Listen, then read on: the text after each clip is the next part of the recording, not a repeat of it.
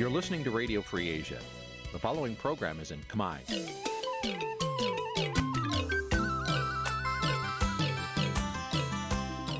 នេះជាកម្មវិធីផ្សាយ Vuthu Azizi Serai នេះជាកម្មវិធីផ្សាយរបស់ Vuthu Azizi Serai ជាភាសាខ្មែរ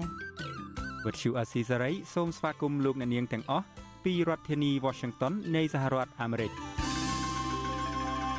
ចាប់ពីរដ្ឋធានី Washington នាងខ្ញុំម៉ៃសុធានីសូមជម្រាបសួរលោកអ្នកស្ដាប់ទាំងអស់ជាទីមេត្រី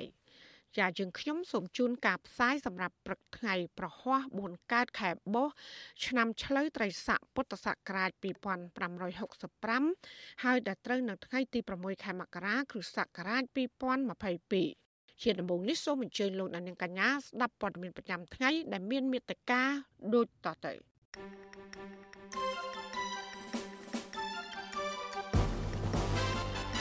អ្នកជំនាញសិទ្ធិមនុស្សអង្គការសហប្រជាជាតិថ្កោលទោសការចាប់ឃុំខ្លួនមេដឹកនាំកុតកម្មសហជីព Nagawal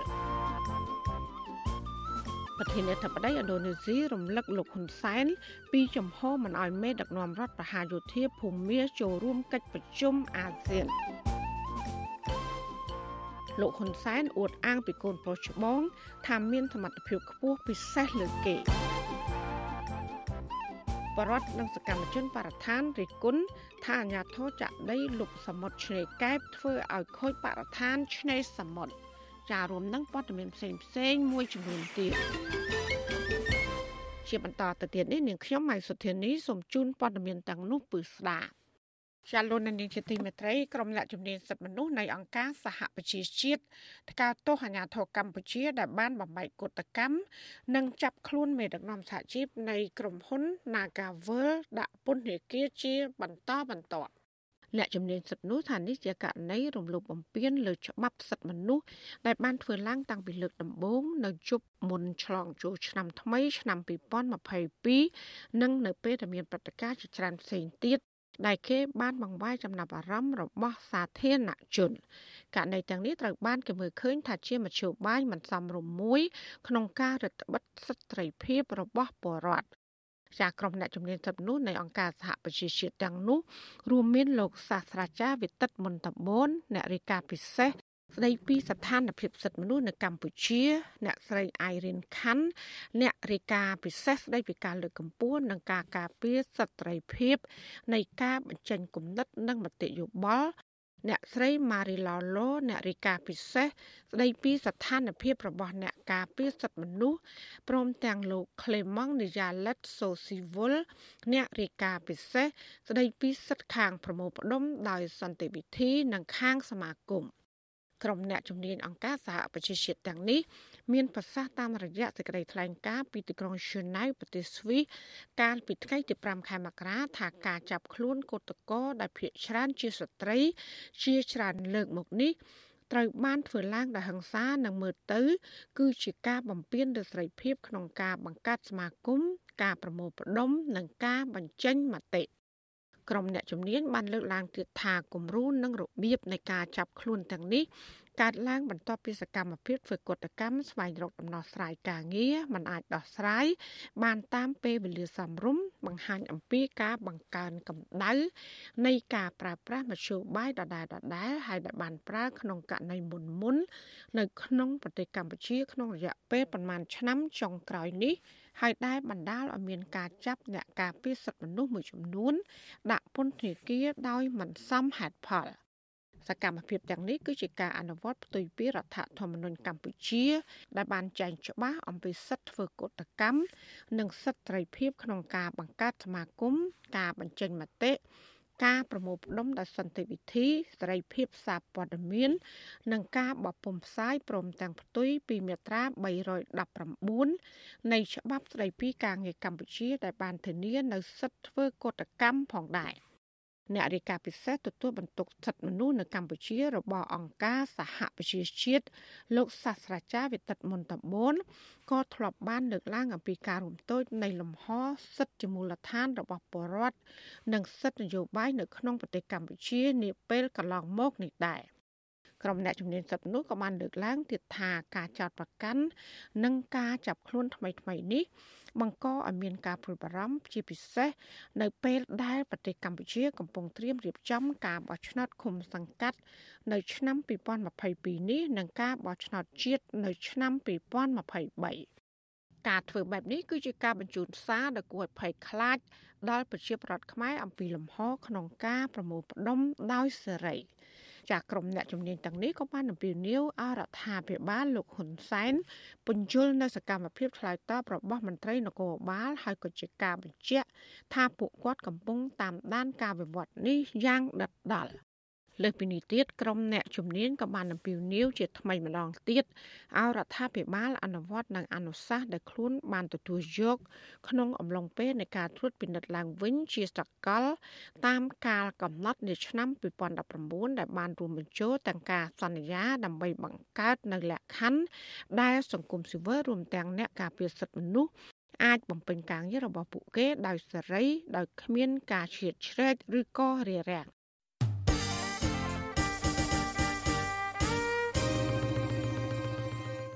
ចាលោកនានីជាទីមេត្រីតកតងនឹងវិវាទការងារនៅក្រុមហ៊ុនបនលបៃ Naga World ដែលឈានដល់ការចោទប្រកាន់មេដឹកនាំសហជីពគឺកញ្ញាឈឹមស៊ីធនិងលោកសុកណារិត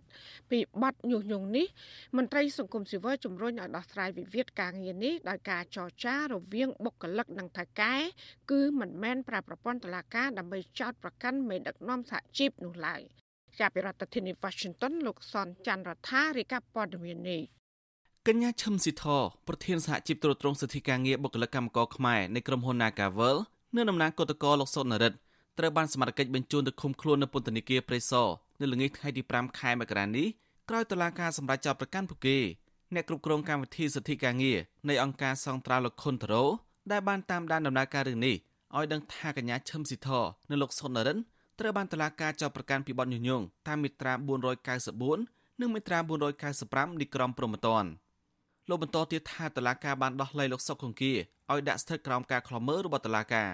ការអនុវត្តវិធានតឹងរឹងផ្នែកច្បាប់ដោយយកទម្រង់ប្រព័ន្ធតឡាការការចោតប្រកាន់ការខាត់ខ្លួននេះនៅក្នុងការដាក់សម្ពាធទៅដល់កម្មករនយោជិតខ្ញុំគិតថាវាមិនមិនមែនជាជំរឿសល្អទេអាហ្នឹងវាជាការអនុវត្តនៅវិធានច្បាប់មួយដែលមិនស្មើមុខគ្នាចំពោះមុខច្បាប់ ដែលកោតកោគាត់ធ្វើកោតកម្មដោយសន្តិវិធីអនុលោមទៅតាមច្បាប់តឡែកគាត់ត្រូវទទួលរងនឹងការចោទប្រកាន់ដោយអយុត្តិធម៌កញ្ញាឈឹមស៊ីធលោកសុកកង្គៀនិងលោកសុដរិនដែលជាតំណាងសហជីព Nagavel ត្រូវបានកងកម្លាំងសមត្ថកិច្ចជាច្រើនអ្នកឡោមព័ទ្ធចាប់ខ្លួនកាលពីថ្ងៃទី4ខែមករានៅក្បែរស្ថានទូតអូស្ត្រាលីភ្លាមភ្លាមនោះអ្នកទាំង3ត្រូវបានអាជ្ញាធរបញ្ជូនទៅសាលាដំបងរាជធានីភ្នំពេញដើម្បីធ្វើការសាកសួរ មេធាវីការពីក្តីកញ្ញាឈឹមស៊ីធនិងមនុស្ស8នាក់ផ្សេងទៀតគឺលោកមេធាវីសំចម្រើនយល់ថាតឡាការហាក់ប្រើពេលវេលាប្រញាប់ក្នុងការសាកសួរដោយធ្វើឡើងទាំងយប់ពួកគេគឺជាការស្ដីបាច់តែភ្ជាប់ដោយបរិយាហើយយ៉ាងមុតធ្ងរណានិយាយយល់ប៉ុណ្្នឹងឯងតែគាត់ថាពេលវេលានៃការសួរវាដូចជាជាប្រញាប់ពេកណាសួរតែពេលយប់ពេលអីចឹងវាដូចជាប្រញាប់ពេកណារីឯប្រធានសហភាពការងារកម្ពុជាលោកអាត់ធុនដែលបានតាមដានខ្លំមើលនៅខ្មោតឡាការយល់ថាករណីនេះគឺជាវិវាទការងារ គួរដោះស្រាយរវាងបុគ្គលិកនិងថៅកែប៉ុន្តែបែរជាមានការចាប់ប្រកាន់លើដំណាងបុគ្គលិកបានប្រែក្លាយករណីនេះទៅជាបទល្មើសព្រហ្មទណ្ឌលោកព្រួយបារម្ភថាការចាប់ប្រកាន់បែបនេះនឹងធ្វើប៉ះពាល់ដល់វិស័យការងារមន្ត្រីសហជីពរំនេះស្នើរដ្ឋាភិបាលអន្តរាគមន៍ឲ្យមានការផ្សះផ្សាការងាររវាងភាគីចំនួនទាំងពីរឲ្យពួកគេជជែកគ្នាក្នុងក្របខ័ណ្ឌនយោជកនិងកម្មករយោជិតដើម្បីបញ្ចប់រឿងក្នុងលក្ខខណ្ឌមួយចូលធ្វើការវិញដើម្បីបញ្ចប់រឿងហើយបើសិនជានៅតែបែបនេះមានន័យថា វាបង្កឲ្យរឿងកាន់តែធំកម្មករកាន់តែឈឺចាប់អ្នកដែលគេចាំបានគ្នារងគ្រោះហើយទីបំផុតគឺវាទៅមានចំនួនកម្មករជាមួយអាជ្ញាធរវាលែងជាចំនួនមួយក្រុមហ៊ុនអញ្ចឹងជុំវិញរឿងនេះស្ថានទូតអូស្ត្រាលីប្រចាំកម្ពុជាបានលើកឡើងតាមរយៈបណ្ដាញសង្គម Facebook របស់ខ្លួនថាស្ថានទូតលើកទឹកចិត្តឲ្យភាគីទាំងអស់ត្រឡប់ទៅរកការចរចាវិញដើម្បីស្វែងរកដំណោះស្រាយដោយសន្តិវិធីនិងឆាប់រហ័សស្ថានទូតបានដឹងលឺអំពីកតកម្មដែលកំពុងកើតមាន ទាក់ទងនឹងកាស៊ីណូ Nagavel ស្ថានទូតអូស្ត្រាលីបន្តថាប្រជាជនមានសិទ្ធិនៅក្នុងការជួបជុំដោយសន្តិវិធីនិងមានសេរីភាពក្នុងការបញ្ចេញមតិប្រតិកម្មរបស់ស្ថានទូតអូស្ត្រាលីបែបនេះបន្ទាប់ពីស្ថានទូតអាមេរិកថាខ្លួនតាមដានយកចិត្តទុកដាក់ករណីចាប់ខ្លួនកញ្ញាឈឹមស៊ីធនិងគឧតកោផ្សេងទៀតមេដឹកនាំសហជីពបុគ្គលិក Nagavel និងក្រុមគឧតកោត្រូវបានអាជ្ញាធរចាប់ខ្លួនដោយចោទប្រកាន់ថាក្រុមធ្វើចលនាខុសច្បាប់បើទោះបីជាមានការចាប់ខ្លួនតំណាងសហជីពនិងបុគ្គលិក ក៏ប៉ុន្តែបុគ្គលិកជាង1000នាក់នៅតែបន្តធ្វើកុតកម្មនៅជិតកាស៊ីណូដដែលដើម្បីទាមទារមានដំណោះស្រាយការងារនិងដោះលែងតំណាងពួកគេឲ្យមានសេរីភាពឡើងវិញបុគ្គលិកក្រុមហ៊ុន Nagavel ម្នាក់កញ្ញាស្រីអូនដែលចូលរួមធ្វើកុតកម្មនេះនិយាយថាការទាមទាររកដំណោះស្រាយការងារជិត20ថ្ងៃមុននេះគឧតកោធ្វើឡើងតាមឆន្ទៈរបស់ខ្លួនព្រោះចង់បានដំណោះស្រាយមិនមែនធ្វើតាមបញ្ជាអ្នកណាដោយការចាប់ប្រកាន់របស់អាជ្ញាធរនោះទេស្ត្រីគឧតកោរូបនេះព្រមានថាបើគ្មានដំណោះស្រាយនិងគ្មានការដោះលែងតំណាងពួកគេ អ្នកធ្វើកោតកម្មទាំងនោះមិនបញ្ឈប់ទេរងនៅភាពអយុត្តិធម៌ពេកពួកខ្ញុំមិនអាចអង្គុយស្ងៀមបានទេព្រោះវាគឺអយុត្តិធម៌ខ្លាំងណាស់គ្រាន់តែសិទ្ធិសេរីភាពការងារបែរជាគាត់លៀបពណ៌ពួកខ្ញុំទៅទៅបកនយោបាយវិញសួរថាចេះរៀបធ្វើដើម្បីតែរស់ទេមិនមែនព្រោះរលំរាជរដ្ឋាភិបាលទេគឺដើម្បីតែឆ្នាំងបាយខ្លួនឯងដាំឲ្យបានល្អតែប៉ុណ្ណោះស្រដៀងគ្នានេះដែរ ក្រុមមន្ត្រីអង្គការសង្គមស៊ីវិលដែលតាមដានរឿងនេះបានបង្ហោះសារលើ Facebook ដោយលើកឡើងស្តៀងស្តៀងគ្នាថាសហជីពគឺជានីតិបុគ្គលស្របច្បាប់សិទ្ធិសេរីភាពក្នុងការធ្វើកតកម្មដោយសន្តិវិធីគឺធានាដោយច្បាប់មិនមែនជាបទល្មើសនោះទេពួកគេបន្តថាវិវាទការងារនៅ Nagavel គឺជាវិវាទរួមរវាងបុគ្គលិកនិងថកែមិនមែនជាវិវាទជាមួយអាជ្ញាធរនោះទេក្រៅពីនេះក៏មានគណៈបញ្ញយោបាយមួយចំនួនបានចេញសេចក្តីថ្លែងការណ៍ជាបន្តបន្ទាប់ថ្កោលទោស ចំពោះទង្វើអាជ្ញាធរដែលបានរារាំងនិងប្រើកម្លាំងមកក្រាបការប្រមូលផ្ដុំទាក់ទងនឹងវិវាទការងារនេះខ្ញុំសនចាររថាវិទ្យុអាស៊ីសេរីរាយការណ៍ពីរដ្ឋធានីវ៉ាស៊ីនតោនចាលោកនាងជាទីមេត្រីបុគ្គលិកបនលបែងអនឡាញចិន The Century បានដាក់ពាក្យប្តឹងទៅនាយកដ្ឋានវិវាទការងារនៃក្រសួងការងារដើម្បីឲ្យជួយដោះស្រាយបញ្ហាក្រុមហ៊ុនចិនមិនព្រមដោះស្រាយបញ្ហាការងារជូនបុគ្គលិកអស់ជាច្រើនខែមកហើយ ចាប់ពីរដ្ឋធានី Washington លោកមួងណារ៉េទីកັບព័ត៌មាននេះកម្មករនយោជិតដែលតំណាងដោយកញ្ញាហឹមហេងកញ្ញាស្រីស្រីលៀងនិងលោករីរ៉ែនបានដាក់ពាក្យប្តឹងកាលពីចុងខែធ្នូឆ្នាំ2021សូមឲ្យក្រសួងការងារជួយធ្វើយ៉ាងណាឲ្យក្រុមហ៊ុនបនលបែងអនឡាញ The Century ដោះស្រាយបញ្ហាការងារជូនបុគ្គលិកព្រោះជាង3ខែមកហើយគ្មានដំណឹងអ្វីសោះពីក្រុមហ៊ុន ថាតើក្រុមហ៊ុននេះបើកឬក៏បិទឲ្យពិតប្រាកដ ក្រុមបុគ្គលិកលើកឡើងនៅក្នុងបណ្ដឹងនោះថាភាពមិនច្បាស់លាស់និងគ្មានដំណោះស្រាយបែបនេះធ្វើឲ្យប៉ះពាល់ដល់ជីវភាពគ្រួសាររបស់កម្មករនយោជិតយ៉ាងធ្ងន់ធ្ងរបណ្ដឹងនេះធ្វើឡើងក្រោយពីកម្មករនយោជិតដែលក្រុមហ៊ុនឲ្យទៅធ្វើចតាល័យស័កតាមផ្ទះតាំងពីខែវិច្ឆិកាឆ្នាំ2021មិនទាន់ទទួលបានដំណឹងអ្វីថាក្រុមហ៊ុននេះនឹងហៅបុគ្គលិកឲ្យចូលធ្វើការវិញនៅថ្ងៃណា និងថាតើក្រុមហ៊ុននឹងដោះស្រាយបញ្ហាការងារយ៉ាងដូចម្តេច ក៏ប៉ុន្តែក្នុងពេលរងចាំដំណឹងនេះកម្មករនយោជិតមួយចំនួននៃកាស៊ីណូនេះឲ្យដឹងថាក្រុមហ៊ុនបែរជាលួចបើកលបែងអនឡាញនេះវិញស្ងាត់ស្ងាត់និងរើសអើងបុគ្គលិកដោយហៅតែបុគ្គលិកចាស់ចាស់ណាដែលតកែចូលចិត្តឲ្យចូលធ្វើការវិញដោយផាត់ចោលបុគ្គលិកផ្សេងទៀតជាពិសេសបុគ្គលិកដែលធ្លាប់ចេញតវ៉ាទាមទារសិទ្ធិការងារដំណឹងនៃការលួចបើកបនលបែងអនឡាញ The Century វិញស្ងាត់ស្ងាត់នេះ បុគ្គលិកកាស៊ីណូនេះប្រាប់វិទ្យុអាស៊ីសេរីថាធ្វើឡើងតាំងពីខែតុលាឆ្នាំ2021មកម្លេះពលគឺថៅកែក្រុមហ៊ុនចិននេះលួចបើកក្រុមហ៊ុននេះឡើងវិញ តាំងតែពីអំឡុងពេលដែលអាជ្ញាធរខេត្តប្រស័យអនុប្រកាសផ្អាកដើម្បីបើកការស៊ើបអង្កេតរឿងបនលបែងអនឡាញខុសច្បាប់និងការនាំឲ្យផ្ទុះកើតជំងឺ Covid-19 ឆ្លងបុគ្គលិកពេញកាស៊ីណូឆ្លងជាង400នាក់និងមានស្លាប់ម្នាក់ផងដោយសារតែជំងឺនេះ ប្រធានសហព័ន្ធសហជីពវិស័យទេសចរនិងសេវាកម្មកម្ពុជាលោកមុំរទ្ធីប្រាប់វិទ្យុអាស៊ីសេរីកាលពីថ្ងៃទី4ខែមករាថាទាំងក្រុមហ៊ុនទាំងក្រសួងការងារមិនបានផ្ដល់ដំណឹងអ្វីទាល់តែសោះដល់កម្មករនយោជិតដែលកំពុងតែរងចាំដំណឹងនឹងដំណោះស្រាយការងារលោកថាបច្ចុប្បន្នកម្មករស្ទើរតែ90%អត់បានទទួលការងារនៅឡើយទេនៅក្នុងពេលជាមួយគ្នានេះ ក្រុមហ៊ុនបានបើកឡើងវិញដោយស្ងាត់ស្ងាត់ហើយហៅកម្មករខ្លះដែលខ្លួនចូលចិត្តឲ្យធ្វើការនឹងរើសថ្មីខ្លះលោកបន្តថាកម្មករដឹងរឿងបើកកាស៊ីណូអនឡាញនេះវិញដោយសារតែពួកគេចូលឆែកមើលនៅក្នុងប្រព័ន្ធអនឡាញរបស់ក្រុមហ៊ុនលោកចោទជាសំណួរថាតើកម្មករដែលក្រុមហ៊ុនឲ្យផ្អាកការងារប្រមាណ400នាក់នោះតើការកាស៊ីណូនេះត្រូវដោះស្រាយយ៉ាងណាមកដេចស្ងាត់ជ្រាបបែបនេះ យើងកំពុងតែមើលរឿងហ្នឹងគិតរឿងហ្នឹងថាបើកយ៉ាងម៉េចរបាយអនឡាញបើកយ៉ាងម៉េចបានបើកទៅកើតហើយអាជ្ញាធរទាំងមន្ទីរការងារទាំងអាជ្ញាធរខេត្តហេតុអីបានអត់ដឹងថាក្រុមហ៊ុនហ្នឹងចាប់ផ្ដើមបើកឡើងវិញបើសិនជាកម្មករគាត់ឃើញផតតាងថាក្រុមហ៊ុនហ្នឹងបានបើកហើយហើយមានទេហៅមនុស្សចូលធ្វើការងារវិញរដ្ឋាភិបាលកម្ពុជា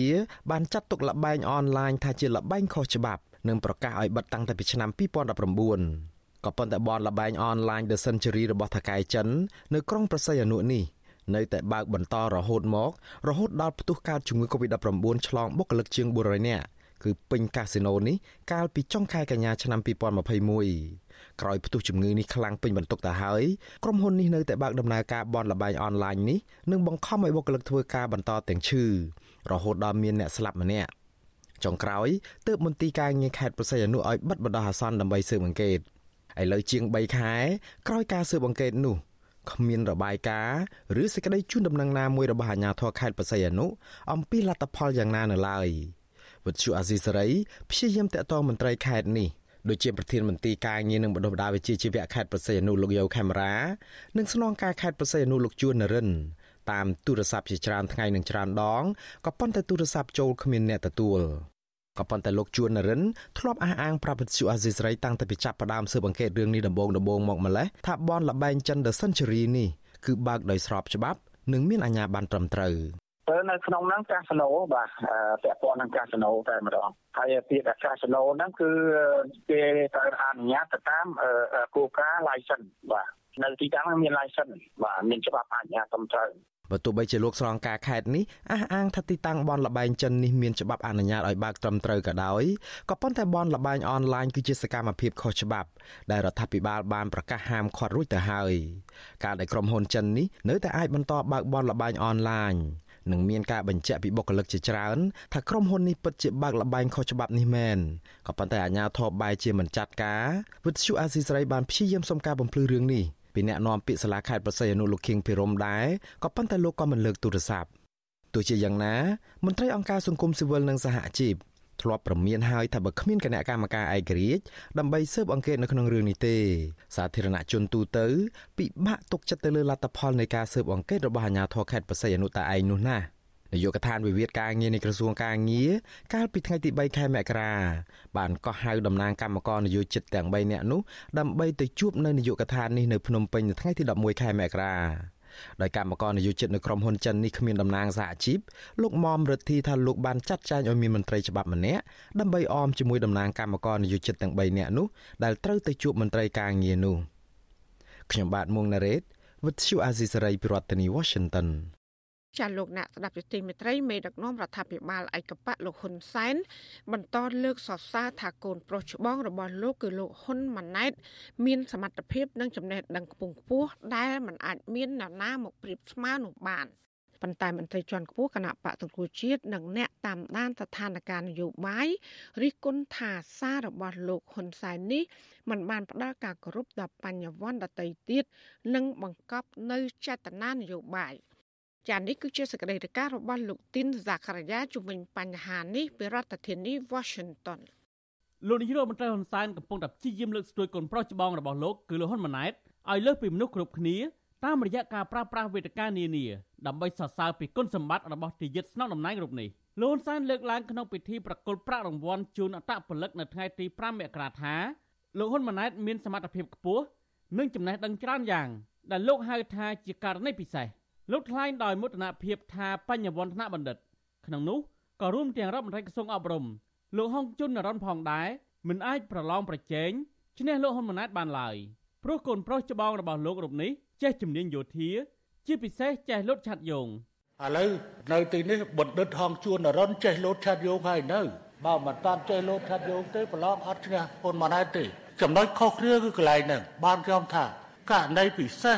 បណ្ឌិតមួយនេះគឺថា វារៀនទាំងនយោបាយវារៀនទាំងសេដ្ឋកិច្ចវារៀនទាំងយោធាហើយក្នុងអាផ្នែកយោធារបស់វាវាមានលោតឆាត់យោង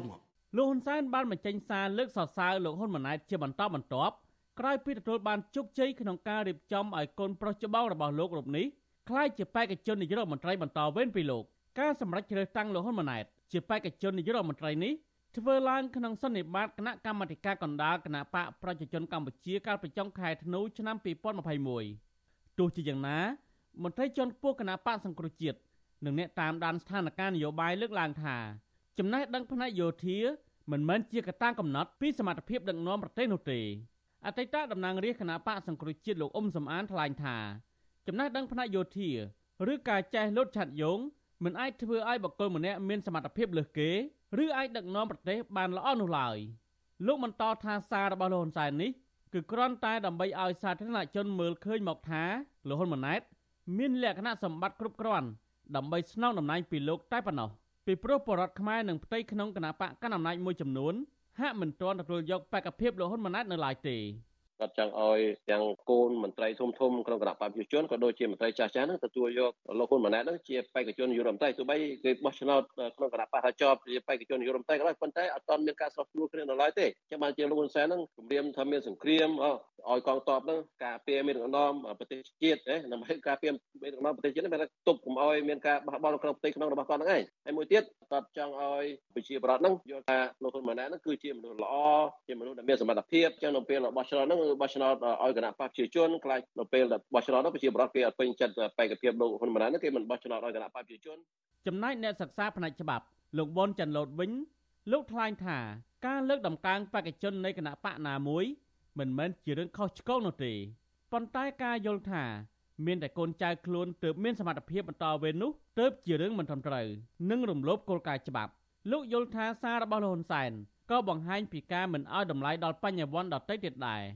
ខណៈដល់ការដឹកនាំជាតិត្រូវការជួយជ្រោមជ្រែងពីអ្នកចេះដឹងគ្រប់វិស័យនោះ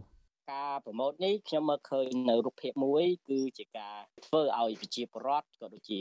ស្ថាប័នរដ្ឋផ្សេងៗទៀតមានការចាប់អារម្មណ៍ហើយក៏ជាសារដាស់តឿនថាអ្វីដែលគាត់ចង់បានអ្វីដែលគាត់សម្រេចគឺត្រូវតែ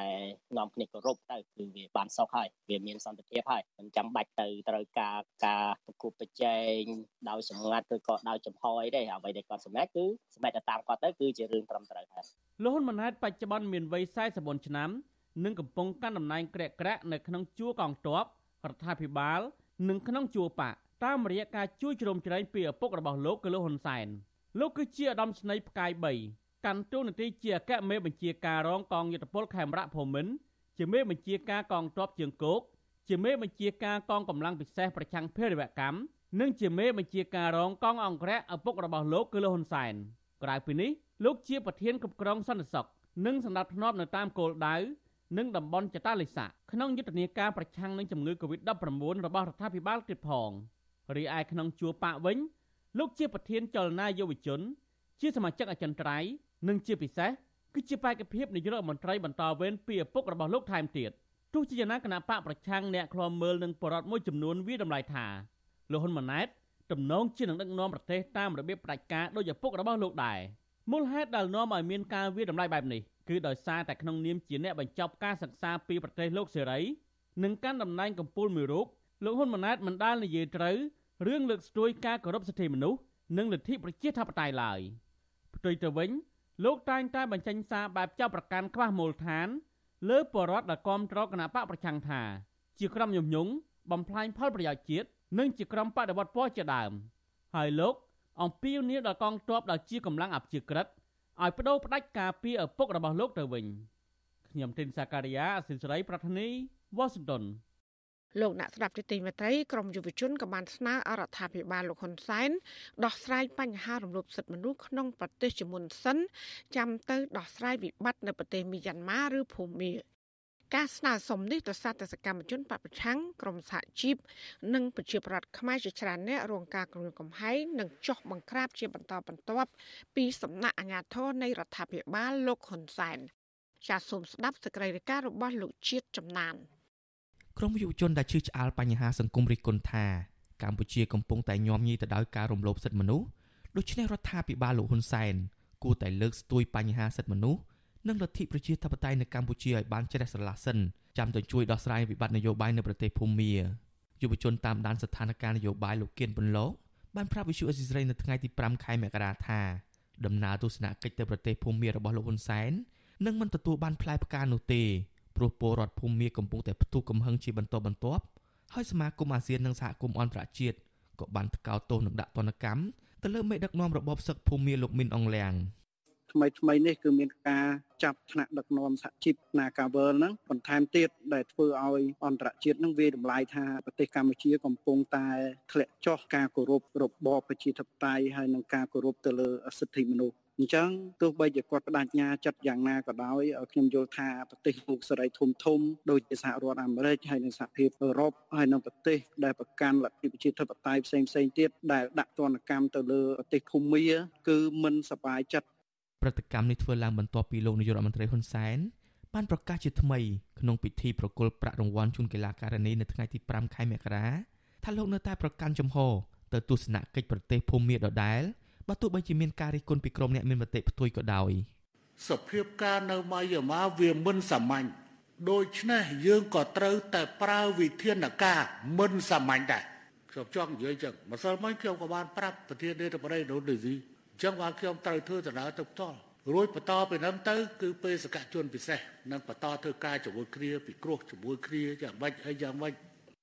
តែទោះជាយ៉ាងណាលោកហ៊ុនសែនហាក់បន្ទន់អេរយាប័តបន្តិច ជុំវិញបញ្ហាដំណើរទស្សនកិច្ចដ៏ចម្រូងចម្រាសរបស់លោកទៅប្រទេសភូមានេះក្រោយពីរងនឹងការរិះគន់ខ្លាំងពីសហគមន៍ជាតិនិងអន្តរជាតិជាពិសេសពលរដ្ឋភូមាទាំងក្នុងនិងក្រៅប្រទេសដែលស្រឡាញ់លទ្ធិប្រជាធិបតេយ្យលោកបញ្ជាក់ជាថ្មីថាលោកទៅភូមានេះដោយពុំមានដាក់លក្ខខណ្ឌជាមុននិងថាដំណើរទស្សនកិច្ចនេះអាចនឹងមិនចាក់ឆ្ងាយពីកិច្ចព្រមព្រៀងកុងសុងស៊ី5ចំណុចដែលសមាជិកអាស៊ានបានឯកភាពគ្នា នៅទីក្រុងសាកាតាប្រទេសឥណ្ឌូនេស៊ីកាលពីខែមេសាឆ្នាំ2021នោះទេ លោកហ៊ុនសែនបង្ហើបថាលោកអាចពន្យាពេលទៅភូមាប្រសិនបើចាំបាច់ដើម្បីស្វែងរកលទ្ធផលផ្លែផ្កាណាមួយក៏ប៉ុន្តែលោកហ៊ុនសែនពុំបានបញ្ជាក់ទេថាលោកនឹងព្យាយាមសុំជួបមេដឹកនាំភូមាស្របច្បាប់ដែលត្រូវរបបសឹកចាប់ខ្លួននិងកាត់ទោសគឺអ្នកស្រីអងសាំងស៊ូជីនោះទេលោកហ៊ុនសែនក៏បានអំពាវនាវកុំឲ្យធ្វើការសន្និដ្ឋានជាមុននៅមុនដំណើរទស្សនកិច្ចនេះក្រសួងការបរទេសកម្ពុជាបញ្ជាក់តាមសេចក្តីប្រកាសព័ត៌មាននៅថ្ងៃទី5ខែមករាថាដំណើរទស្សនកិច្ចថ្ងៃទី7ដល់ថ្ងៃទី8ខែមករានេះ លោកហ៊ុនសែនមានជំនួបទ្វេភាគីជាមួយមេដឹកនាំរដ្ឋបហាភូមាលោកមីនអងលៀងជំនួបនេះនឹងពិភាក្សាផ្លាស់ប្តូរទស្សនៈអំពីកិច្ចសហប្រតិបត្តិការទ្វេភាគីពហុភាគីនិងការវិវត្តថ្មីៗក្នុងតំបន់អាស៊ានកាលពីថ្ងៃទី31ខែធ្នូឆ្នាំ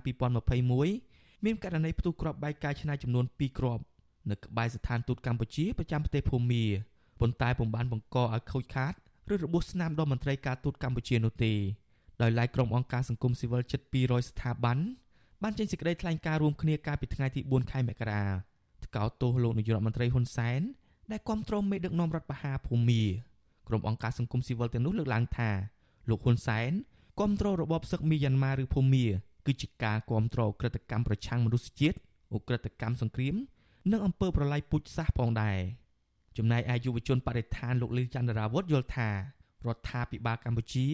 ត្រូវតែដោះស្រាយបញ្ហាផ្ទៃក្នុងប្រទេសលើកស្ទួយសិទ្ធិមនុស្សអនុញ្ញាតឲ្យមានការចូលរួមបោះឆ្នោតពីបកប្រឆាំងនិងការដោះលែងសកម្មជននយោបាយនិងក្រុមសហជីពជាដើមជាង10ថ្ងៃមុននេះតំណាងសហជីពកញ្ញាឈឹមស៊ីធនិងគឧតកោក្រុមហ៊ុន Nagawal ជាង20នាក់ទៀតត្រូវបានអាជ្ញាធរឃុំខ្លួន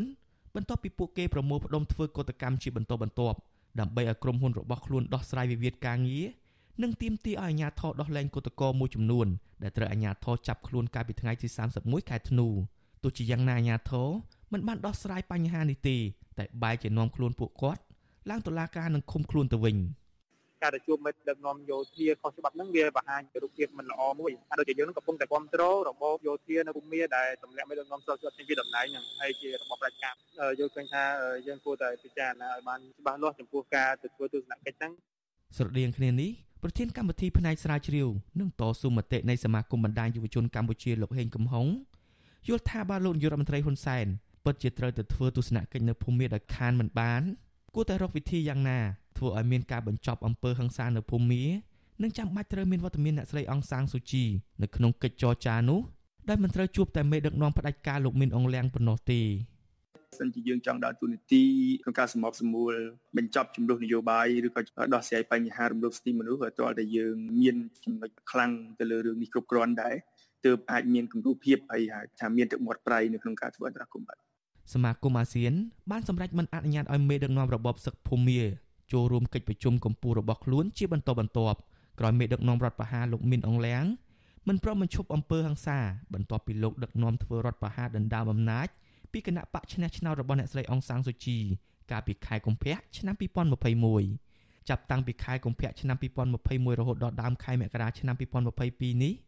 យ៉ាងហោចណាស់មានពលរដ្ឋភូមិមាជាង1300នាក់ក្នុងនោះរួមទាំងកុមារផងត្រូវគេសម្លាប់ក្នុងហេតុការណ៍បង្ក្រាបរបស់ពួកយោធាទៅលើក្រុមអ្នកតវ៉ាប្រឆាំងនឹងរដ្ឋប្រហារហើយមនុស្សប្រមាណ10000នាក់ទៀតត្រូវបានចាប់ខ្លួនអំពើហិង្សាលើពលរដ្ឋភូមិនេះនាំឲ្យសហគមន៍អន្តរជាតិជាពិសេសសហរដ្ឋអាមេរិកថ្កោលទោសនិងដាក់ទណ្ឌកម្មជាបន្តបន្ទាប់ទៅលើមេដឹកនាំរបបសឹកលោកមិនអងលៀងហើយបរិះខ្លាំងនៃប្រទេសភូមារូបនេះក៏កំពុងប្រឈមទៅនឹងបណ្ដឹងពាក់ព័ន្ធនឹងបទអក្រិតកម្មប្រឆាំងមនុស្សជាតិនិងតុលាការព្រហ្មទណ្ឌអន្តរជាតិផងដែរ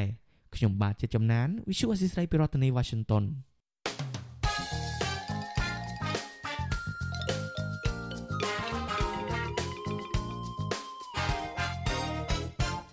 ចាលោកនាងជាទីមេត្រីប្រធានាធិបតីឥណ្ឌូនេស៊ី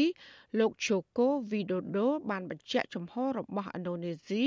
ក្រោយជំនួបតាមទូរស័ព្ទជាមួយលោកហ៊ុនសែនកាលពីថ្ងៃទី4ខែមករាថាលោកបានគូសបញ្ជាក់ឡើងវិញយ៉ាងច្បាស់ប្រាប់ទៅលោកហ៊ុនសែនអំពីជំហររបស់ឥណ្ឌូនេស៊ីជុំវិញសារៈសំខាន់នៃការអនុវត្តកិច្ចព្រមព្រៀងកុងសង្សឹស5ចំណុចរបស់អាស៊ាន ក្នុងការនាំមកវិញ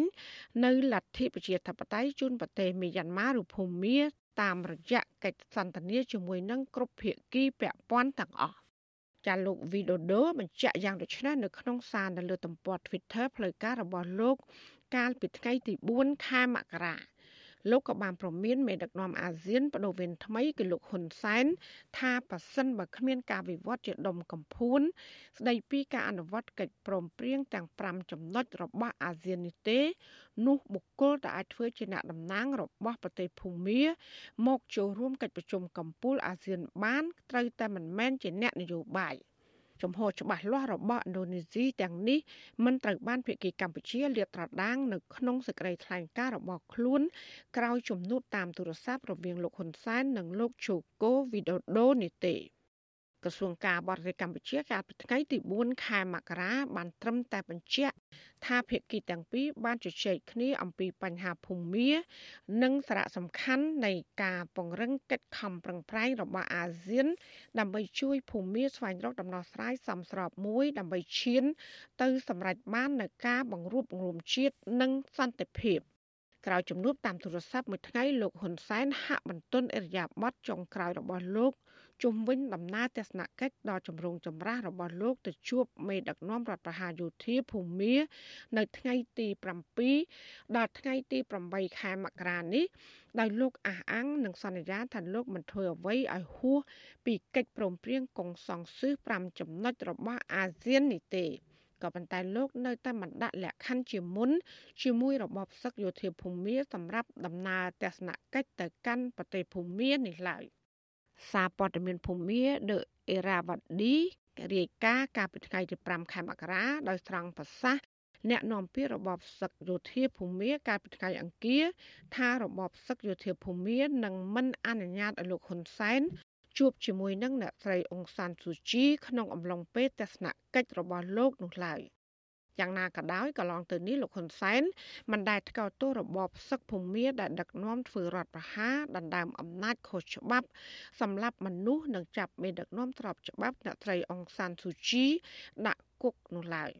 លោកក៏មិនបានបង្ហាញពីចេតនាឬក៏សុឆន្ទៈពិតប្រាកដអំពីបំណងកម្ពុជាចង់ជួបជាមួយនឹងមេដឹកនាំត្របច្បាប់អ្នកស្រីអង្សានស៊ូជីនោះដែរ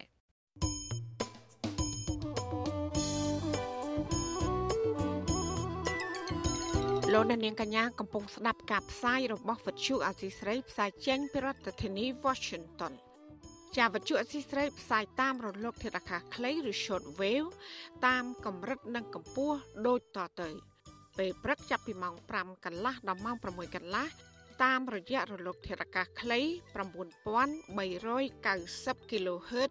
ស្មើនឹងកម្ពស់ 32ម៉ែត្រហើយនឹង 11850 kHz ស្មើនឹងកម្ពស់ 25m ចាសម្រាប់ពេលយប់វិញចាប់ពីម៉ោង7កន្លះដល់ម៉ោង8កន្លះគឺតាមរយៈរលកធាតុអាកាសខ្លី9390 kHz ស្មើនឹងកម្ពស់ 32m ហើយនឹង15155 kHz ស្មើនឹងកម្ពស់ 20m ចាសសូមអរគុណ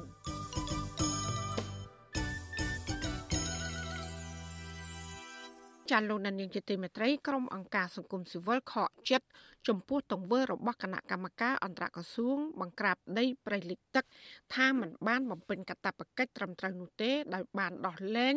មន្ត្រីយោធាពាក់ផ្កាយ2ម្នាក់ដោយស្ងាត់ស្ងាត់ករណីកັບទន្ទ្រានដីព្រៃលិចទឹក600ហិកតានៅក្នុងខេត្តបន្ទាយមានជ័យ ពួកគេចាត់ទុកថាទង្វើនេះគឺឆ្លោះបញ្ចាំងពីការអនុវត្តច្បាប់មិនស្មើភាពគ្នានិងបង្កើតឲ្យមានអយុត្តិធម៌ក្នុងសង្គមមន្ត្រីខ្លំមើលសិទ្ធិមនុស្សនៃសមាគមអាត់ហុកឲ្យដឹងនៅថ្ងៃទី5ខែមករាថាសមត្ថកិច្ចខេត្តបន្ទាយមានជ័យមិនបានបញ្ជូនមន្ត្រីយោធាផ្កាយ2លោកភ្លុនតារាទៅកាន់តុលាការដើម្បីអនុវត្តច្បាប់ទៅឡើយទេមកដល់ពេលនេះតេតិននឹងការកាប់ទន្ទ្រានដីព្រៃលិចទឹកទំហំ600ហិកតា ពួកគេអះអាងថាបច្ចុប្បន្នមន្ត្រីយោធារូបនេះមានទួនាទីជាមេបញ្ជាការរងយុទ្ធភូមិភាគទី5កំពុងរស់នៅយ៉ាងមានត្រីភាព មន្ត្រីសម្របសម្រួលសមាគមអាត6ខេត្តបន្ទាយមានជ័យលោកស៊ុំច័ន្ទគាក៏សម្គាល់ថាក្រោយដែលសមត្ថកិច្ចខេត្តបន្ទាយមានជ័យបានខត់ខ្លួនមេតាហានរូបនេះមកសួរនាំជាច្រើនម៉ោងកាលពីចុងខែធ្នូកន្លងទៅ រួចក៏ដោះលែងឲ្យមានត្រីភាពវិញដោយមិនបានបញ្ជូនទៅកាន់តុលាការដើម្បីអនុវត្តច្បាប់នៅឡើយក៏បដារនៅសេរីមានសេរីភាពក៏បដាខលទីមកហើយឲ្យទៅជាវិញ របាយការណ៍របស់គណៈកម្មការអន្តរក្រសួងឲ្យដឹងថាមន្ត្រីយោធាផ្កាយ2រូបនេះបានរំលោភទន្ទ្រានដីព្រៃលិចទឹកនៅតំបន់បឹងទលេសាបដោយខុសច្បាប់អស់600ហិកតានៅក្នុងតំបន់3នៃខេត្តបន្ទាយមានជ័យក៏ប៉ុន្តែកាសែតក្នុងស្រុកបានចុះផ្សាយថាមន្ត្រីយោធារូបនេះ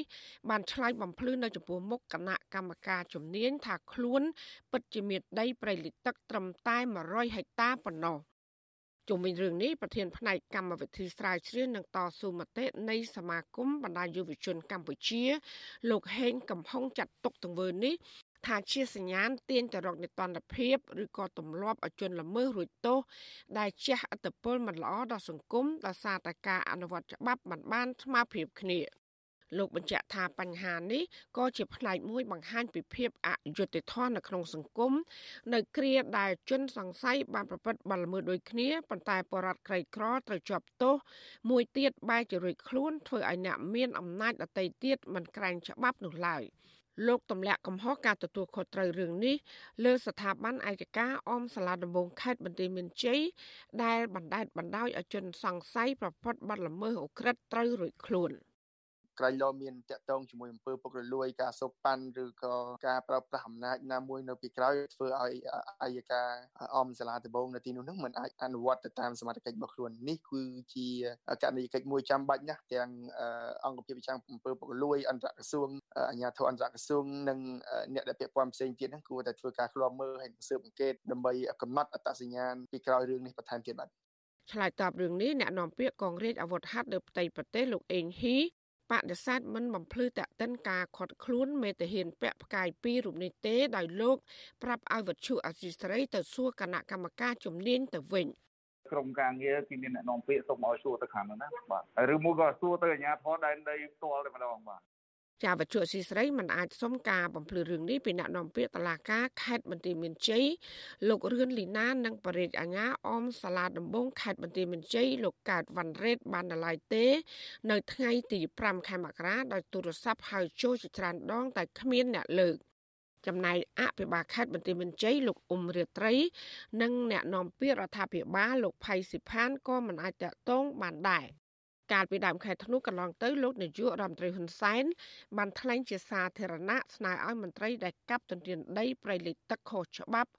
នៅតំបន់បឹងទលេសាបត្រូវប្រញាប់ប្រគល់ជូនរដ្ឋវិញហើយបើពុំដូច្នោះទេនឹងត្រូវចាប់ខ្លួនប៉ុន្តែមន្ត្រីសង្គមស៊ីវិលសង្កេតឃើញថាការលើកឡើងនេះគ្រាន់តែធ្វើឡើងឲ្យល្អមើលប៉ុណ្ណោះខណៈដែលមន្ត្រីយោធាជាន់ខ្ពស់លោកភ្លុនតារាមិនបានប្រកួតដីព្រៃលិចទឹក 600ហិកតាជូនរដ្ឋវិញនោះទេទាល់តែគណៈកម្មការជំនាញរកឃើញជាក់ស្ដែងក៏មិនឃើញថ្នាក់ដឹកនាំរូបនេះអនុវត្តច្បាប់នោះដែរលើពីនេះទៀតកន្លងទៅលោកនាយករដ្ឋមន្ត្រីហ៊ុនសែនបានចាត់ចំឈ្មោះអតីតអភិបាលខេត្តកំពង់ឆ្នាំងលោកឈួច័ន្ទឌឿនដែលបច្ចុប្បន្នជាអនុរដ្ឋលេខាធិការក្រសួងមហាផ្ទៃជាប់ពាក់ព័ន្ធការកាប់ទន្ទ្រានដីព្រៃលិចទឹកក្នុងខេត្តកំពង់ឆ្នាំង ទំហំ2000ហិកតាក៏មិនឃើញគណៈកម្មការជំនាញអនុវត្តច្បាប់ទៅឡើយដែរមកដល់ពេលនេះជុំវិញរឿងនេះមន្ត្រីពង្រឹងសិទ្ធិអំណាចសហគមន៍មូលដ្ឋាននៃសមាគមអាត6លោកប៉ែនបណ្ណាបានហៅទង្វើរបស់គណៈកម្មការជំនាញបែបនេះ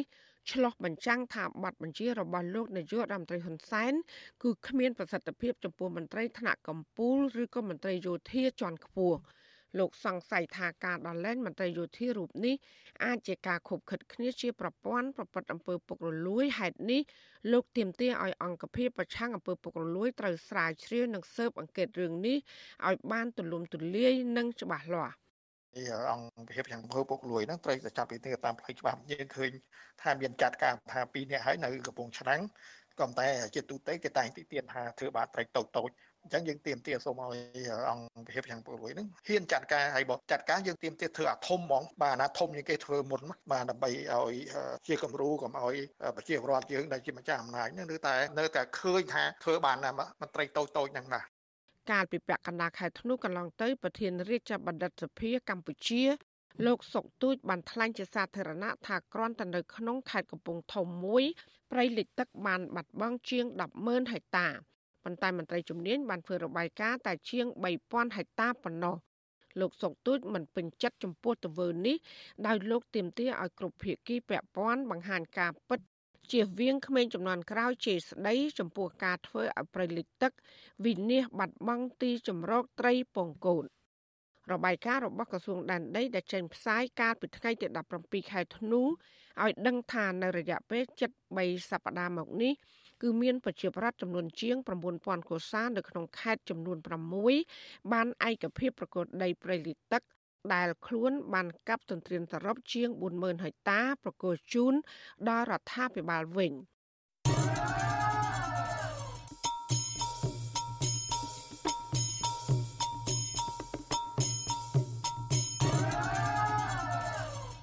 ចាលោកនាងកញ្ញាកំពុងស្ដាប់ការផ្សាយរបស់វិទ្យុអាស៊ីស្រីផ្សាយចេញពីរដ្ឋធានី Washington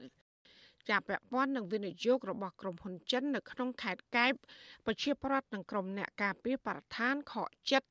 ដែលរដ្ឋាភិបាលលោកហ៊ុនសែននៅតែបន្តបំផ្លិចបំផ្លាញធនធានធម្មជាតិក្រោមរូបភាពអភិវឌ្ឍប្រទេសជាតិ ចាពួកគេអះអាងថាគម្រោងលុបឆ្នេរសមុទ្រទ្រង់ទ្រាយធំនៅក្នុងខេត្តកែបជាបន្តបន្ទាប់នេះធ្វើឲ្យប៉ះពាល់បរិស្ថានឆ្នេរសមុទ្រយ៉ាងធ្ងន់ធ្ងរហើយអ្នកដែលចំណេញគឺក្រុមហ៊ុនវិនិយោគិនជនជាតិចិនចាសសូមលោកអ្នកនាងកញ្ញារងចាំស្ដាប់សេចក្តីរាយការណ៍ពីស្ដាមពីរឿងនេះនាពេលបន្តិចទៀតនេះចាសសូមអរគុណ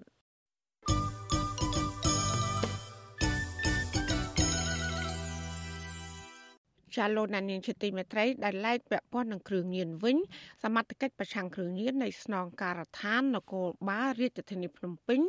បានបញ្ជូនខ្លួនជនសង្ស័យជនជាតិវៀតណាមម្នាក់វ័យ25ឆ្នាំពាក់ព័ន្ធនឹងការរក្សាទុកគ្រឿងញៀនជិត200គីឡូក្រាមទៅសាលាដំបងរាជធានីភ្នំពេញកាលពីថ្ងៃទី4ខែមករាដើម្បីអនុវត្តតាមនីតិវិធីច្បាប់ ចាវត្ថុអសីស្រីមិនអាចតកតងแนะនាំពាក្យស្នងការដ្ឋាននគរបាលរាជធានីភ្នំពេញលោកសានសុកសីហាដើម្បីសុំការអធិប្បាយជុំវិញបញ្ហានេះបាននៅឡើយទេកាលពីថ្ងៃទី5ខែមករាដោយសារទូរស័ព្ទហៅចូលតែពុំមានអ្នកទទួល។ ក្នុងខែធ្នូឆ្នាំ2021កន្លងមកនេះសមត្ថកិច្ចបង្ក្រាបបានករណីជួញដូរគ្រឿងញៀនឆ្លងដែនខុសច្បាប់រាប់រយគីឡូក្រាមនិងរកឃើញទីតាំងផលិតគ្រឿងញៀនរាប់ពាន់គីឡូក្រាម នៅខេត្តកំពង់ស្ពឺដែលប្រព្រឹត្តដោយជនជាតិចិន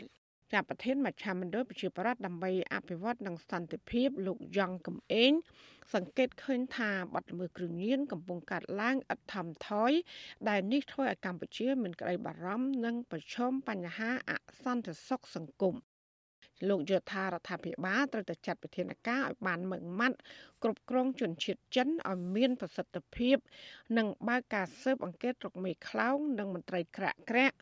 ដែលខົບខិតជាមួយក្រុមអក្រិតជនគ្រឿងញៀនមកដាក់ទោសឲ្យបានធ្ងន់ធ្ងរតាមច្បាប់របាយការណ៍របស់គណៈកម្មការប្រឆាំងគ្រឿងញៀនឲ្យដឹងថាចាប់ពីថ្ងៃទី1ខែមករាដល់ថ្ងៃទី31ខែធ្នូឆ្នាំ2021 កម្លាំងសមត្ថកិច្ចបានបង្ក្រាបបទល្មើសគ្រឿងញៀនទូទាំងប្រទេស បានចំនួនជាង6200ករណីដោយឃាត់មនុស្សចំនួនជាង13000នាក់ដែលមានស្ត្រី802នាក់ក្នុងនោះក៏មានជនបរទេស362នាក់ដែលមានស្រី45នាក់និងមាន13សញ្ជាតិ ចំណែកសារធាតុញៀនគ្រប់ប្រភេទដែលសមត្ថកិច្ចរបុបានវិញគឺមានចំនួនជាង4400គីឡូក្រាមកញ្ឆាស្ងួតជាង140គីឡូក្រាម និងសម្ភារៈជាច្រើនទៀតរួមមានរថយន្តជាង120គ្រឿងម៉ូតូជិត2000គ្រឿងទូរស័ព្ទដៃជិត6000គ្រឿងព្រមទាំងអាវុធវែងខ្លីជាង80ដើម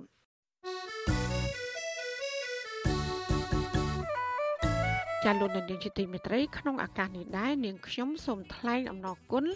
ដល់លោកនាងកញ្ញាដែលតែងតែមានភក្ដីភាពចំពោះការផ្សាយរបស់យើង ហើយចាត់ទុកការស្ដាប់វិទ្យុអសីស្រីជាផ្នែកមួយនៃសកម្មភាពប្រចាំថ្ងៃរបស់លោកអ្នក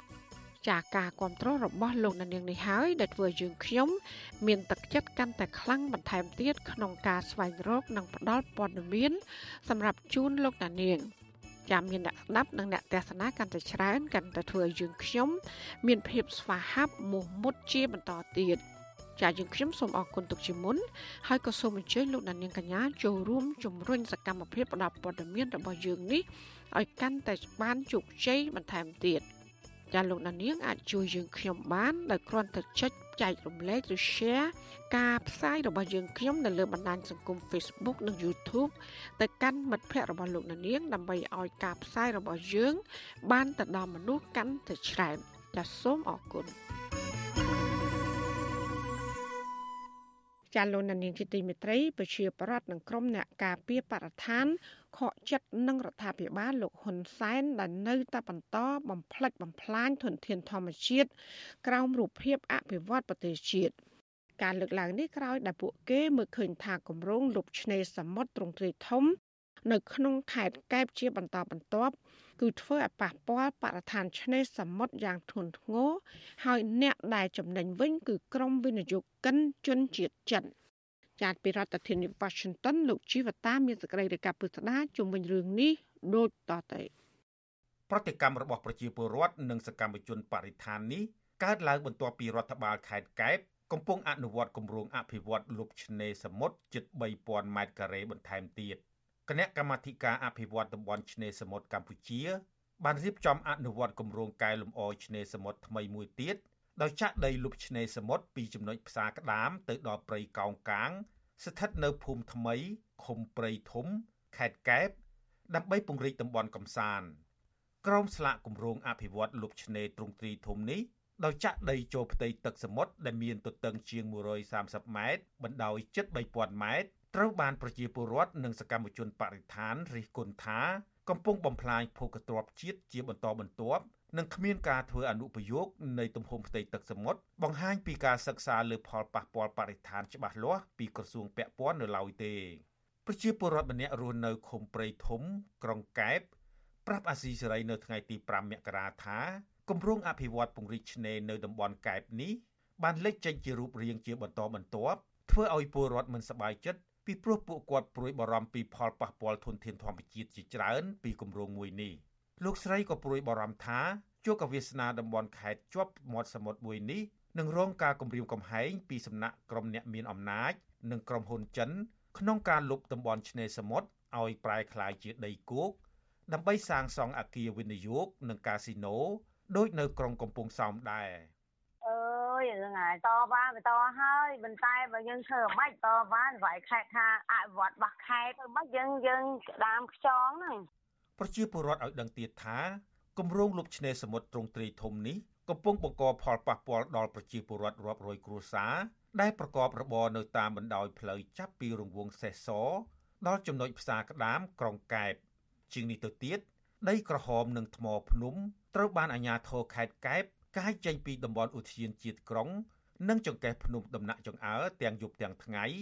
ដោយដឹកតាមរយៈរថយន្តខ្នាតធំជិត300គ្រឿងជារៀងរាល់ថ្ងៃ និងបានបង្កការខូចខាតផ្លូវមួយខ្សែធ្ងន់ធ្ងរ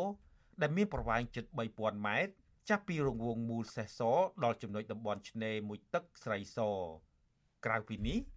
ធនធានធម្មជាតិនិងជួរភ្នំហុំព័ទ្ធគ្របដណ្ដប់ដោយព្រៃឈើជាម្លប់ពណ៌ខៀវខ្ចីកំពុងត្រូវបានជីកគាស់ឈូសឆាយនិងរងការគំរាមកំហែងជាបន្តបន្ទាប់ដើម្បីយកថ្មនិងអាចដីទៅចាក់លុបបំពេញឆ្នេរសមុទ្រក្រោមរូបភាពអភិវឌ្ឍ ក្រុមអ្នកការពារបរិស្ថានដែលបានតាមដានរឿងនេះចាត់ទុកដំណើរការអភិវឌ្ឍនេះខ្វះដំណាភាពដោយមិនបានសិក្សាស៊ីជម្រៅពីផលប៉ះពាល់បរិស្ថាននិងសង្គមព្រមទាំងមិនបានផ្សព្វផ្សាយពីគម្រោងខ្នាតធំមួយនេះឲ្យបានទូលំទូលាយនៅឡើយទេលើសពីនេះពួកគេក៏កំពុងព្រួយបារម្ភពីភូមិសាស្ត្រតំបន់ដែលមានសក្តានុពលទីក្រុងកែបថានឹងប្រែក្លាយជាទីក្រុងទំនើបទី2ដែលមានអគារវិនិយោគខ្ពស់ស្កឹមស្កៃបន្ទាប់ពីក្រុងប្រស័យអនុ ស្របពេលដែលកំណើនវិនិយោគិនជនជាតិចិនកើនឡើងយ៉ាងគំហុកក្នុងខេត្តនេះប្រធានផ្នែកស្រាវជ្រាវនឹងតស៊ូមតិនៃសមាគមបណ្ដាញយុវជនកម្ពុជា លោកហេងកឹមហុងសង្កេតឃើញថាគម្រោងអភិវឌ្ឍលុបឆ្នេរសមុទ្រដ៏ធំសម្បើមកន្លងទៅនេះមិនទាន់ឃើញមានក្រសួងពាក់ព័ន្ធបញ្ចេញរបាយការណ៍សិក្សាលម្អិតពីផលប៉ះពាល់បរិស្ថានដើម្បីឲ្យប្រជាពលរដ្ឋមានជំនឿក្នុងដំណើរការអភិវឌ្ឍប្រកបដោយតម្លាភាព និងផ្ដល់ផលប្រយោជន៍ដល់ប្រជាពលរដ្ឋមូលដ្ឋាននៅឡើយទេអ្វីដែលខ្ញុំឃើញភាពអវិជ្ជមានជុំវិញករណីលុបឆ្នេរនេះគឺមានរឿងពីរយ៉ាងទី1គឺអាជ្ញាធរមិនបានធ្វើការសិក្សាឲ្យបានស៊ីជម្រៅការវិតម្លៃហេតុផលប៉ះពាល់បរិស្ថានជាដើមទេបាទហើយនឹងហេតុផលទី2ជាទម្លាប់អវិជ្ជមានមួយនៅក្នុងសង្គមអាជ្ញាធរនៅពេលដែលចាប់ដើមអភិវឌ្ឍហើយមានការភ្ញាក់ផ្អើលទើបមានការបកស្រាយប្រតិកម្មនេះធ្វើឡើងបន្ទាប់ពីគណៈកម្មាធិការអភិវឌ្ឍតំបន់ឆ្នេរសមុទ្រកម្ពុជា សម្រាប់អភិវឌ្ឍចាក់ដីលុបឆ្នេរសមុទ្រដែលមានទទឹងជាង100ម៉ែត្របណ្ដោយជិត3000ម៉ែត្រពលគឺស្មើនឹងជាង3សែនម៉ែត្រការ៉េឬស្មើនឹងផ្ទៃដីទំហំ35ហិកតា ដើម្បីប្រែក្លាយទៅជាតំបន់ដីគោកចំណែកអតីតសកម្មជនបរិស្ថានមេដាធម្មជាតិកញ្ញាលងគុន្ធាគាំទ្រចំពោះការអភិវឌ្ឍពង្រីកតំបន់កំសាន្តនេះប៉ុន្តែកញ្ញាថា ការអភិវឌ្ឍដោយមានការលុបបឹងទន្លេសមុទ្រកន្លងទៅនេះ ខ្វះដំណាភាពនិងការទទួលខុសត្រូវបានធ្វើឲ្យប៉ះពាល់ដល់ធនធានធម្មជាតិនិងមិនសូវឃើញថាបានប្រើជាផលប្រយោជន៍សាធារណៈទូទៅនោះទេកញ្ញាក៏ទាមទារឲ្យគិតគូរពីធនធានធម្មជាតិជាចម្បង ដើម្បីធានាថាគម្រោងនេះជួយលើកកម្ពស់ពលរដ្ឋមូលដ្ឋានប្រកបដោយតម្លាភាពនិងនិរន្តរភាពសម្រាប់បម្រើផលប្រយោជន៍របស់មហាជនទូទៅ។ យើងដឹងហើយថានៅពេលដែលលុបសមុទ្រវានឹងធ្វើឲ្យបាត់បង់អាជំរករបស់ត្រីឬក៏ក្តាមហើយនឹងប៉ះពាល់ដល់ជីវៈចម្រុះដែលនៅក្នុងសមុទ្ររឹតធ្ងន់ធ្ងរទៀតហ្នឹងគឺការកាយភ្នំយកមកលុបសមុទ្រហើយសួរថាលុបប្រមាណពាន់ហិកតាហើយវិទ្យុអាស៊ីសេរីនៅមិនទាន់អាចសុំការអត្ថាធិប្បាយជុំវិញរឿងនេះពីអ្នកនាំពាក្យក្រសួងរៀបចំដែនដីនគររូបនីយកម្មនិងសំណង់លោកសេងលូតនិងអ្នកនាំពាក្យក្រសួងបរិស្ថានលោកនេតភក្ត្រាបាននៅឡើយទេ នៅថ្ងៃទី5មករា ចំណែកអភិបាលខេត្តកែបលោកសោមពិសិដ្ឋក៏មិនអាចសុំការបញ្ជាក់បន្ថែមបានទេដោយទូរស័ព្ទហៅចូលគ្មានអ្នកទទួលនៅថ្ងៃដដែលនេះគណៈកម្មាធិការជាតិគ្រប់គ្រងនិងអភិវឌ្ឍតំបន់ឆ្នេរសមុទ្រកម្ពុជា កាលពីថ្ងៃទី12សីហាឆ្នាំ2021កន្លងទៅ បានប្រកាសរៀបចំកែលម្អឆ្នេរកំសាន្តប្រវែងជិត3000ម៉ែត្រពីចំណុចផ្សារក្តាមទៅដល់តំបន់ព្រៃកោងកាង ស្ថិតក្នុងភូមិថ្មីឃុំព្រៃធំខេត្តកែប ដោយគ្រងនឹងចាក់ដីពង្រីកតំបន់ឆ្នេរកំសាន្តដាំដើមឈើរៀបចំសួនច្បារជាដើម បន្ថែមពីលើនេះលោកសំពិសិដ្ឋបានអះអាងប្រាប់កាសែតក្នុងស្រុកថ្មីថ្មីនេះថាក្នុងការរៀបចំគម្រោងអភិវឌ្ឍកម្រិតខ្ពស់នេះមានការទទួលខុសត្រូវពីអាជ្ញាធរថ្នាក់ជាតិនិងមូលដ្ឋាន ចំណែកផ្លូវដែលរងការខូចខាត លោកថារដ្ឋក៏មានកញ្ចប់ថវិកាក្នុងការជួសជុលឡើងវិញដែរ។ ទី1បញ្ហាគម្រោង2700ម៉ែត្រនេះអនុវត្តកម្មការអវត្តឆ្នេរសមុទ្រកម្ពុជាមានអាដាមបនិយោរដ្ឋីជាសភារាលោកអ្នកដឹកនាំអវត្តជាផ្ទាល់ទី2គឺពាក់ព័ន្ធនឹងការដឹកជញ្ជូនដីនេះគឺខ្ញុំបានតម្រង់ទិសឲ្យប្រើផ្លូវមួយខ្សែដែលមិនពាក់ព័ន្ធផ្លូវទេសចរបញ្ជាវិងការគ្រោះថ្នាក់ជាវិងការកស្ទះជាការសុខភាពផ្សេងៗនាយកប្រតិបត្តិអង្គការបណ្ដាញការពារទន្លេ3លោកលៀងប៊ុនលៀប មានប្រសាសន៍ថាការអភិវឌ្ឍជារឿងល្អប្រសើរប៉ុន្តែលោកថារដ្ឋាភិបាលត្រូវតែធ្វើការសិក្សាពីហេតុប៉ះពាល់ឲ្យបានល្អិតល្អន់មុននឹងអនុវត្តគម្រោងអ្នកជំនាញរូបនេះប្រមានថាប្រសិនបើរដ្ឋាភិបាលមិនបានសិក្សាវិតម្លៃពីសារធាតុគីមីពីដីក្រហមនិងថ្មភ្នំនិងសិក្សាពីជំរឿផ្ទៃទឹកសមុទ្រឲ្យបានច្បាស់លាស់នោះទេ វានឹងធ្វើឲ្យប៉ះពាល់ដល់ប្រព័ន្ធអេកូឡូស៊ីធនធានជីវៈចម្រុះក្នុងទឹកសមុទ្រធ្ងន់ធ្ងរលោកបន្ថែមថា ផលប៉ះពាល់ខ្លាំងគឺចរន្តផ្ទៃទឹកបំរែបំរួលអាកាសធាតុមិនប្រក្រតីនិងការហិនហោចដល់ពពួកមច្ឆាដោយសាររងការបំពុលពីកាកសំណល់កខ្វក់និងសារធាតុគីមី ឧទាហរណ៍ដូចជាយើងចិញ្ចឹមត្រីស្ពងនៅតាមដៃទន្លេពេលភ្លៀងមកដោយការគាត់ចាក់ជុំថ្មហ្នឹងឯងអាកំណត់ជុំថ្មអត់មានកន្លែងបោះចោលទេគាត់យកមកចាក់ផ្លូវនៅស្រុកទឹងហាវនោះណាធ្វើឲ្យទឹកភ្លៀងហូរចូលទៅក្នុងដៃសមុទ្រហ្នឹងទៅត្រីស្ពងលែងហូបចំណីអស់ក្រៅពីត្រីយើងមានជីវៈចម្រុះយ៉ាងច្រើនទៀតដែលយើងមិនបានសិក្សាដល់ហើយមានជាខ្យងក្តាមសត្វល្អិតបាក់តេរីអីផ្សេងផ្សេងទៀតក្នុងសមុទ្រដែលយើងអត់បានដឹងកាលណាថ្មចូលទៅក្នុងសមុទ្រទឹកសមុទ្រហ្នឹងទៅឡើងកម្ដៅជាងសត្វដងមកកាល ក្នុងអំឡុងឆ្នាំ2015ដល់ឆ្នាំ2018ការលុបឆ្នេរសមុទ្រក្រមស្លាអភិវឌ្ឍនេះបានកើតឡើងជាបន្តបន្ទាប់ស្របពេលដែលកំណើនជនជាតិចិនមានការកើនឡើងយ៉ាងគំហុកដូចជានៅខេត្តប្រស័យអនុជាដើមក្រោយមកអាជ្ញាធរក៏បានបណ្ដេញប្រជាពលរដ្ឋដែលលក់ដូរតាមឆ្នេររាប់រយគ្រួសារក្រុមហេតុផលរៀបចំសម្ដាប់ធ្នាប់និងអភិវឌ្ឍទៅជាតំបន់លបែងកាស៊ីណូនិងសន្តាគាររបស់ក្រុមហ៊ុនចិនជាដើម ក្រុមអ្នកឃ្លាំមើលសង្គមក៏ព្រួយបារម្ភពីតំបន់ឆ្នេរសមុទ្រក្រុងកែបថាអាចនឹងប្រែក្លាយជាទីក្រុងកែបទំនើបគ្រប់គ្រងកាន់កាប់ដោយក្រុមឈ្មួញជនជាតិចិន និងក្រុមអ្នកមានអំណាចស្របពេលដែលគម្រោងការលុបឆ្នេរសមុទ្រទ្រង់ទ្រាយធំក្នុងខេត្តកែបនេះកើតឡើងជាបន្តបន្ទាប់ហើយអ្នកដែលរងផលប៉ះពាល់ខាតបង់ផលប្រយោជន៍គឺជាពលរដ្ឋម្ចាស់ស្រុកខ្ញុំជីវិតាអាស៊ីសេរី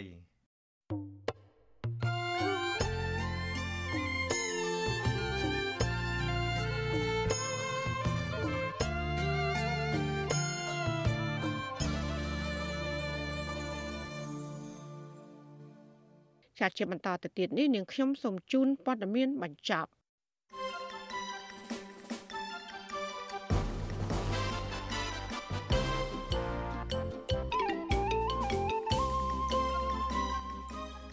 ក្រុមអ្នកជំនាញសិទ្ធិមនុស្សនៃអង្គការសហប្រជាជាតិថ្កោលទោសអាញាធរកម្ពុជា ដែលបានបំបែកកុតកម្មនិងចាប់ខ្លួនមេដឹកនាំសហជីពនៃក្រុមហ៊ុន Nagavel ដាក់ពន្ធនាគារជាបន្តបន្ទាប់ ចាក្រុមអ្នកជំនាញសិទ្ធិមនុស្សនៃអង្គការសហប្រជាជាតិទាំងនោះ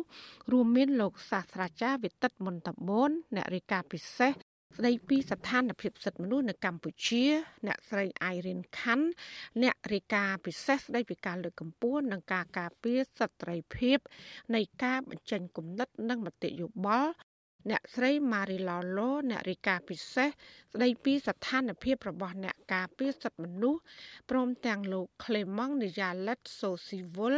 អ្នករាយការណ៍ពិសេសស្ដីពីសិទ្ធិខាងប្រមូលផ្ដុំដោយសន្តិវិធី និងខាងសមាគមក្រុមអ្នកជំនាញអង្គការសហប្រជាជាតិទាំងនេះ មានប្រសាសន៍តាមរយៈសេចក្តីថ្លែងការណ៍ពីទីក្រុងឈឺណៅប្រទេសស្វីសកាលពីថ្ងៃទី5ខែមករាថាការចាប់ខ្លួនកូតកោដែលភៀសច្រើនជាស្ត្រី ជាច្រើនលើកមកនេះត្រូវបានធ្វើឡើងដោយហិង្សានិងមើលទៅ គឺជាការបំពានលើសេរីភាពក្នុងការបង្កើតសមាគមការប្រមូលផ្ដុំនិងការបញ្ចេញមតិក្រុមអ្នកជំនាញបានលើកឡើងទៀតថាគំរូនិងរបៀបនៃការចាប់ខ្លួនទាំងនេះ កើតឡើងបន្ទាប់ពីសកម្មភាពធ្វើកតកម្មស្វែងរកដំណោះស្រាយការងារមិនអាចដោះស្រាយបានតាមពេលវេលាសមរម្យបង្ហាញអំពីការបង្កើនកម្ដៅនៃការប្រើប្រាស់មធ្យោបាយដដែលដដែលហើយដែលបានប្រើក្នុងករណីមុនមុននៅក្នុងប្រទេសកម្ពុជា ក្នុងរយៈពេលប្រមាណឆ្នាំចុងក្រោយនេះហើយដែលបណ្ដាលឲ្យមានការចាប់អ្នកការពារសិទ្ធិមនុស្សមួយចំនួនដាក់ពន្ធនាគារដោយមិនសមហេតុផល។ ចាតកតងនឹងវិវាទការងារនៅក្រុមហ៊ុនបនលបៃ Nagavel ដែលឈានដល់ការចាប់ប្រកាន់មេដឹកនាំសហជីពគឺកញ្ញាឈឹមស៊ីធនិងលោកសុកណារិតពីបទញុះញង់នេះមន្ត្រីសង្គមស៊ីវិលជំរុញឲ្យដោះស្រាយវិវាទការងារនេះដោយការចរចារវាងបុគ្គលិកនិងថៅកែគឺមិនមែនប្រើប្រព័ន្ធតុលាការដើម្បីចោទប្រកាន់មេដឹកនាំសហជីពនោះទេ ចាមេដឹកនាំរដ្ឋាភិបាលឯកបៈលោកហ៊ុនសែនបន្តលើកសរសើរថាកូនប្រុសច្បងរបស់លោក គឺលោកហ៊ុនម៉ាណែត មានសមត្ថភាពនិងចំណេះដឹងខ្ពង់ខ្ពស់ដែលមិនអាចមានអ្នកប្រៀបស្មើបានប៉ុន្តែមន្ត្រីជាន់ខ្ពស់គណៈបកសង្គ្រោះជាតិនិងអ្នកតាមដានស្ថានភាពនយោបាយរិះគន់ថាសាររបស់លោកហ៊ុនសែននេះมันបានផ្ដល់ការគោរពដល់បញ្ញវន្តដតីទៀតនិងបង្កប់នៅចេតនានយោបាយ។